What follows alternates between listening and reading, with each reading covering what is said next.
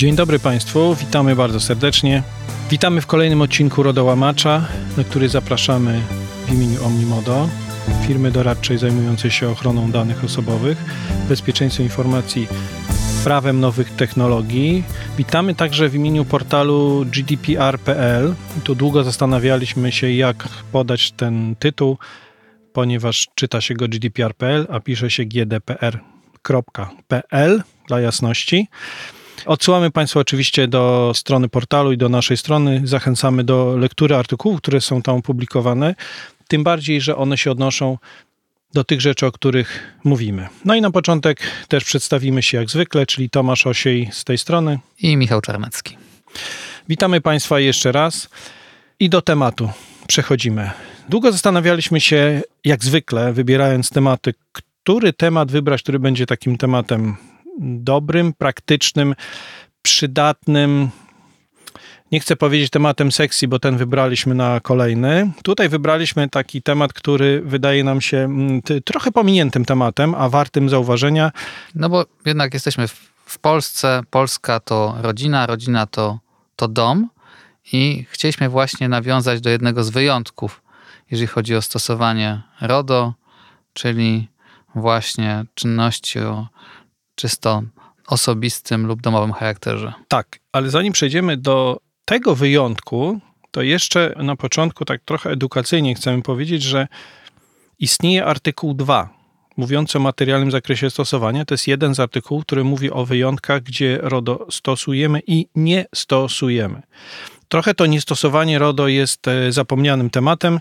My przypominamy o tym, że artykuł 2 istnieje. Tam jest jeden bardzo ciekawy fragment tego artykułu 2, ustęp pierwszy, do którego na chwilkę tylko wrócimy, który mówi, że rozporządzenie ma zastosowanie do przetwarzania danych wtedy, kiedy mówimy o całkowitym lub częściowym zautomatyzowanym przetwarzaniu danych, czyli do systemów. Natomiast wszystko to, co jest w papierze, to, co nie jest zautomatyzowane, mówiąc ogólnie, nas nie interesuje.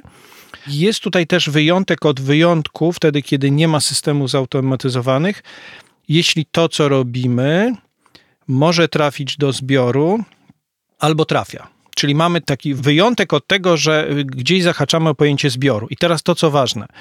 Zbiór danych jako taki jest już w archiwum. Tego nie używamy. Tu pojawia nam się tylko w jednym miejscu określenie zbioru danych.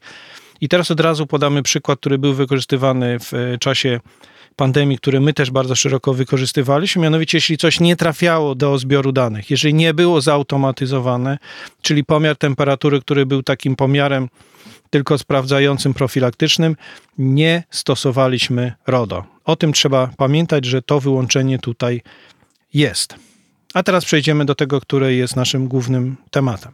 Tak, czyli czynności o czysto osobistym lub domowym charakterze, to wyłączenie nie jest nie jest nowe, ale jest nieco zmodyfikowane, bo na gruncie poprzednio obowiązującej dyrektywy też była mowa o tym właśnie osobistym lub domowym, ale celu. Czyli mieliśmy cel osobisty lub domowy, a teraz przeszliśmy z celu na charakter, co wydaje się jest pojęciem zawężającym nam ten wyjątek, bo na przykład mam znajomego, którego żona kazała znaleźć pracę. No taki postawiła mu cel i on ten cel realizował, wysłał trzy CV do KGHM Polska Miedź na członka zarządu, do Rady Nadzorczej Microsoftu i chyba na jednego z dyrektorów Amazona.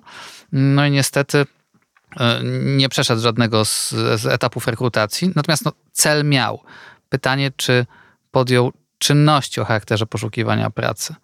No ten przykład, który podałeś, jest bardzo praktyczny, bo wysyłanie swoich e, życiorysów do takich podmiotów na pewno e, czemu służy, na pewno daje bardzo ciekawe doświadczenie, ale tutaj odpowiadając na Twoje pytanie, bo wyszliśmy od tego pojęcia, że zmieniło, zmienił nam się cel na, na charakter, czy nam to coś zmienia? Okazuje się, że zmienia, tylko My to bierzemy intuicyjnie, bo podamy za Państwu przykłady za chwilę, gdzie mamy też pewne wątpliwości co do tego wyłączenia, bo wydaje się, że jeżeli coś robimy, nazwijmy to w cudzysłowie, w celu osobistym lub domowym, czyli wszystko, co związane z naszymi e, rzeczami, obowiązkami, kwestiami e, poza, poza pracą, poza biznesem i zajęciem, to wszystko jest wyłączone.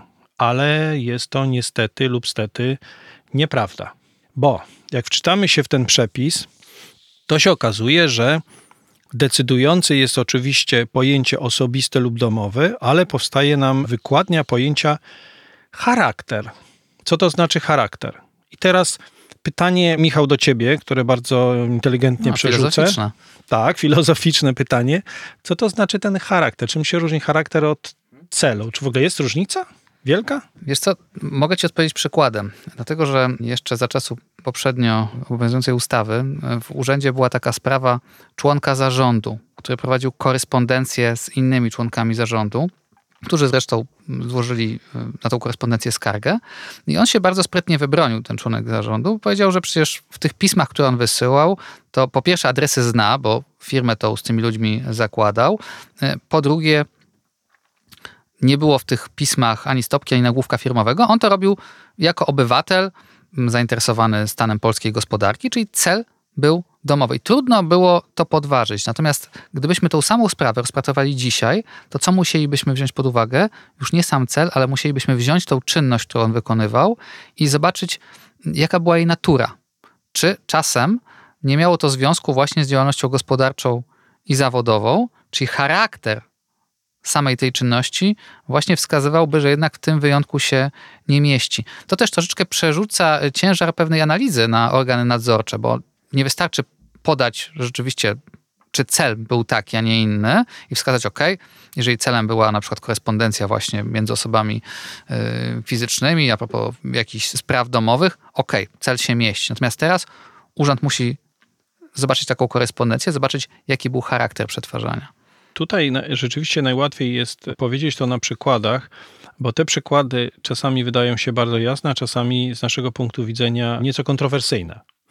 I przeszukując czeluści internetu, szukając konkretnych przykładów, kilka znaleźliśmy.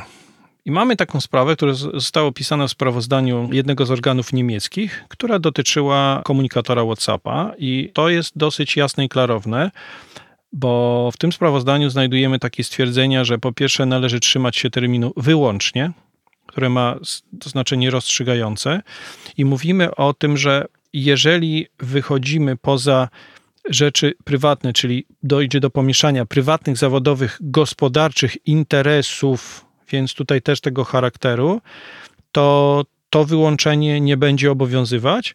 I później wytłumaczeniem tego było to, że powołując się wprost na artykuł 2 ustęp 2 litera C, ale tu jeszcze powiedzmy, że mamy motyw 18, który jest do tego przypisany, który wyjaśnia, ale oczywiście jest tylko, idzie w tym samym kierunku, no bo inaczej nie może, to tu jest powiedziane, że ta dyskusja, czyli te przekazywane informacje, miały charakter mieszany. I teraz pytanie, co to znaczy charakter mieszany? Bo tu nam się zaczęło pojawiać takie pojęcie więzi rodzinnych, coś, co nie jest zdefiniowane, ale trochę wybrzmiewa z tego, bo jeżeli ja komunikuję się i piszę o rzeczach osobistych, ale dystrybuuję to nieograniczonemu kręgowi odbiorców, to jest jasne. Jakby co do tego nie mamy wątpliwości. Natomiast ten charakter taki, że nie mam z kimś więzi, w związku z czym nie może to mieć tego charakteru, czy tak rzeczywiście to, to jest? Bo tu mamy sprawę tą austriacką. Tak, no wydaje mi się, że jeszcze możemy troszeczkę przytoczyć tego motywu 18 RODO, które troszeczkę nam rozjaśni. Motyw 18 mówi tak, że rozporządzenie nie ma zastosowania do przetwarzania danych przez osobę fizyczną w ramach działalności czysto osobistej lub domowej, czyli bez związku z działalnością zawodową lub handlową. Bez związku. No i później jest wyjaśnienie, działalność osobista lub domowa może polegać na korespondencji, przechowaniu adresu, podtrzymywaniu więzi społecznych, działalności internetowej itd. Tak I teraz, dlaczego przywołaliśmy ten przykład austriacki? Bo to była bardzo ciekawa sprawa. Były rzeczywiście dwie takie sprawy, gdzie występowało chyba, jeżeli chodzi o molestowanie seksualne, pewne luki w lokalnym prawodawstwie, które zostały troszeczkę uzupełnione, dotynkowane właśnie w naszym RODO. W ten to sposób, że mieliśmy sprawę w Austrii, gdzie trener żeńskiej drużyny zainstalował w szatni kamery. Chyba nie do końca chodziło mu o bezpieczeństwo zawodniczek, które z, złożyły skargę. Tam rzeczywiście nałożono karę 11 tysięcy euro e, na tegoż trenera. E, a drugi e, przypadek miał miejsce w Hiszpanii, gdzie fotograf przyrody i nie tylko czaił się w krzakach i fotografował opalające się na plaży niewiasty. I w tym przypadku również wskazano brak podstawy prawnej przetwarzania. I mówiąc szczerze, my czytając e, te dwie decyzje, też mieliśmy z nimi pewien problem, dlatego że nie został tu zastosowany przez oba organy ten wyjątek o charakterze osobistym lub domowym. Pytanie dlaczego? Tak, to nas troszeczkę męczyło, bo nie ma wątpliwości żadnych, że jeżeli zostałoby to upublicznione, udostępnione, no to wtedy ten charakter już nie jest osobisty. To czujemy, to intuicyjnie wiemy, że jest prawdą.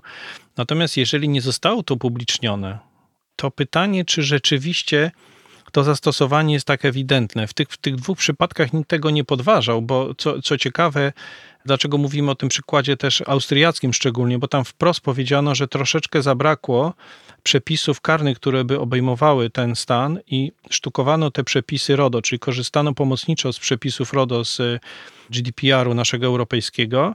Cel, że tak powiem, oczywiście jest szczytny, Natomiast czy rzeczywiście to charakter nie jest osobisty z punktu widzenia osoby, która nagrywała albo tego miłośnika na plaży? Ja powiem szczerze, mam wątpliwość, ale nie będę tego y, podważał bardzo, aczkolwiek pozostanę nadal wahający się, bo z mojego punktu widzenia, czym innym jest, jeżeli pracownicy wysyłają informacje, które dotyczą pracy i nie tylko komunikatorem, który jest, ma ten krąg odbiorców bardzo szeroki, to jest jasne. No ale w tym pierwszym wypadku to nie wiem, czy tak do końca. Wiesz co, myślę, że możemy korzystając z okazji sobie troszeczkę pogdybać i jeżeli patrzymy na ten wyjątek, on jest dosyć zdroworozsądkowy, prawda? Czyli rzeczywiście czynności osobiste, domowe są wyłączone z RODO. No jest to logiczne, bo inaczej wpisując kogoś do telefonu, wysyłając komuś wiadomość, musiałbyś spełnić obowiązek informacyjny, wpisać to do rejestru czynności. Absurdalne konsekwencje. Natomiast pojawiają się w, i w orzecznictwie, i w doktrynie opinii oczywiście, że należy to interpretować po pierwsze zawężająco, stąd słowo czysto osobistym lub domowym, czyli tam, gdzie się mieszają pewne sfery, na przykład osobista z gospodarczą, już byśmy tego nie mieli, ale mamy kwestię po pierwsze domową, czyli czynności e, charakterystyczne gdzieś tam do, dla gospodarstwa domowego i przyległości, to jest raz, i dwa, osobiste, gdzie też pojawia się pewien element, ten, o którym wspomniałeś, więzi pewnej słabszej lub mocniejszej między tymi osobami, które występują. No w tym przypadku, no w drugim przypadku na pewno tej więzi nie było, jeżeli chodzi o ukrytego w krzakach fotoreportera, a i w pierwszym przypadku więź między trenerem a zawodniczkami, nawet jeżeli była, to chyba w złym kontekście została wykorzystana. Tutaj też możemy to rozwinąć, jeżeli chodzi o, o, tą, o ten wyjątek, bo tak jak wspomniałeś w motywie, przeciwstawia się temu e, charakterowi osobistemu lub domowemu czynność zawodową lub handlową, aczkolwiek nie tylko, bo na przykład już w komentarzach pojawiają się słuszne głosy, że na przykład działalność społeczna czy religijna no, nie jest gospodarcza często, nie, nie musi być zawodowa, natomiast jak najbardziej nie jest już wtedy osobista lub domowa. Pojawia się pytanie, czy niewielki aspekt, albo nawet dominujący aspekt finansowy przy pewnych czynnościach wyłącza je z tego. U nas nawet w Polsce w, w, komentarzach są dwa głosy. Ja jestem osobiście zwolennikiem pierwszego głosu, który mówi, że jeżeli na przykład chcielibyśmy dzisiaj sprzedać twój albo mój samochód, to jednak jest to dalej czynność osobista lub domowa, mimo że napędzani bylibyśmy nisko urządzą e, zysku, albo przynajmniej otrzymania jakiegoś za niego wynagrodzenia. Natomiast yy, Drugi głos mówi, no nie, no tutaj jest, pojawia się aspekt finansowy, drobnomieszczańskie groszoróbstwo, w związku z tym z wyjątku tego skorzystać nie możemy. No tak, to jest, to jest bardzo ciekawe, co mówisz, bo ja nadal nie jestem przekonany, czy, czy ta granica jest tak jasna, ale tutaj trochę pokazujemy Państwu nasze dylematy związane z tym, że czym innym jest słowo cel, a czym innym jest słowo charakter, czyli w ogóle samo pojęcie charakter, bo charakter wydaje nam się szerszy dużo szerszy i taki bardziej elastyczny do interpretowania i pozwalający więcej rzeczy wrzucić. Znaczy, ja nadal uważam, że to, co było w Austrii, było bardzo życzeniowe i było bardzo słuszne, i z tym się zgadzam. Nie będę podważał z czegoś, co miało swój dobry cel, ale zadam takie no, pytanie, albo powiem tak, przypadek z mojego życia wzięty. Mianowicie mój znajomy zapytał mnie, czy może zainstalować kamerę w swojej bramie. Ma bramę i jest posiadaczem nieruchomości, ma piękną działkę i dom i chciałby raczej, żeby mm, nikt mu nie naruszał spokoju, ponieważ najlepszą metodą na to jest umieszczenie kamery i sprawdzenie, kto stoi przed drzwiami. przed furtką, co istotne, to on zamontuje kamerę. A ponieważ wyczytał, że RODO stoi na przeszkodzie, to zadał mi takie pytanie, dlaczego. No i powiedział, no skoro jesteś takim specjalistą, tyle lat się zajmujesz, to powiedz mi, dlaczego RODO stoi na przeszkodzie, a jeśli, a jeśli naprawdę stoi, to jaki jest sens tego? I powiem szczerze, zacząłem mieć wątpliwości, bo z, pier, z pierwszego punktu widzenia takiego zdroworozsądkowego, o którym mówisz, czy to nie jest charakter osobisty? Jest. Kamera, ja nie dzielę się tą informacją, nagrywam jest u mnie tylko i wyłącznie, więc co decyduje o tym, że mamy problem z kamerą? Tak, no oczywiście decyduje nam Trybunał Sprawiedliwości Unii Europejskiej, więc odpowiadając, jak mam nadzieję, fakturowanemu koledze, no wskaz- Niestety nie. Możemy wskazać na, na, na, dwa wyroki. Jeden dotyczy właśnie monitoringu z 2014 roku i tutaj Trybunał okazał się nieubłagany, to znaczy jeżeli monitoring wykracza poza naszą prywatną posesję, no to tym samym sposobem my wykraczamy o, o tyleż metrów właśnie poza ten wyjątek e, z artykułu drugiego RODO.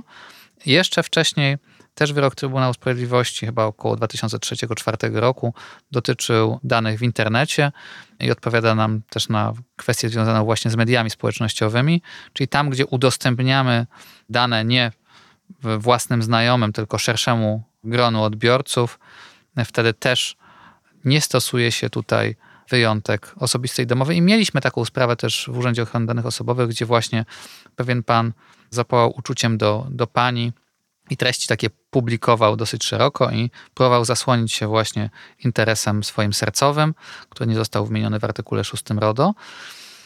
Natomiast e, no, urząd wtedy uznał, że jednak e, właśnie z, w związku z tym wyrokiem i z taką interpretacją pod ten wyjątek pan nie podlega. Czyli mówiąc krótko, tutaj granicą jest e, obszar, który monitorujemy. To ja na koniec dorzucę jeszcze jeden przykład, który podczas szkolenia mi powiedziano, gdzie jeden z urzędów był monitorowany kamerami z drona.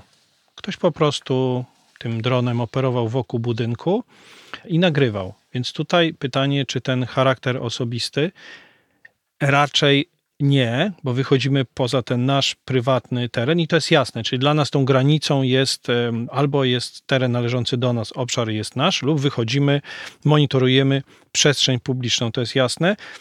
Jakby zostawiamy Państwa z tymi dylematami, z tymi e, rzeczami, o których mówimy, mówiąc o tej więzi, bo to jest rzecz ciekawa i to się przebija przez wykładnie chociaż nie jest tak oczywiste. Tak, ja jeszcze tylko na koniec powiem, że już y, za poprzedniej dyrektywy pojawiały się wątpliwości związane z tym wyjątkiem, stąd te dwa wyroki Trybunału Sprawiedliwości Unii Europejskiej i bardzo ciekawe jest to, że te dwa wyroki były pokłosiem tej samej wątpliwości, którą wyrazili opiniodawcy. Otóż wskazali oni, że będziemy mieć problem. To już było dawno temu, jeszcze przed RODO. Oni wskazali, że będziemy mieć coraz większy problem w związku z rozwojem technologii. To znaczy technologia niezwykle może nam poszerzać i komplikować te nasze osobiste i domowe wykorzystanie informacji na różnych frontach, no i pokłosiem tego właśnie monitoring, pokłosiem tego media społecznościowe. Pytanie, co będzie następne. Do monitoringu na pewno wrócimy, bo to jest temat na kolejny odcinek, ale zrobimy to jako, jako odrębny odcinek, bo, bo tu jest sporo ciekawych kwestii, o których należy powiedzieć. Na koniec Państwu powiemy, że nasz podcast e, absolutnie nie ma charakteru osobistego, a wręcz przeciwnie, chcemy, żeby był dostępny dla wszystkich. Dlatego zapraszamy Państwa do kontaktu z nami, czy przez stronę omnimodo.pl, czy śledzenia nas na stronie gdpr.pl, na, do ściągania naszych podcastów ściągania, no i słuchania. Jesteśmy na LinkedInie, na YouTubie, Spotify'u, Apple Podcast też jesteśmy, także zapraszamy. Cóż, tymczasem dziękujemy bardzo za uwagę. I jak zawsze życzymy spokojnego przetwarzania. Do usłyszenia.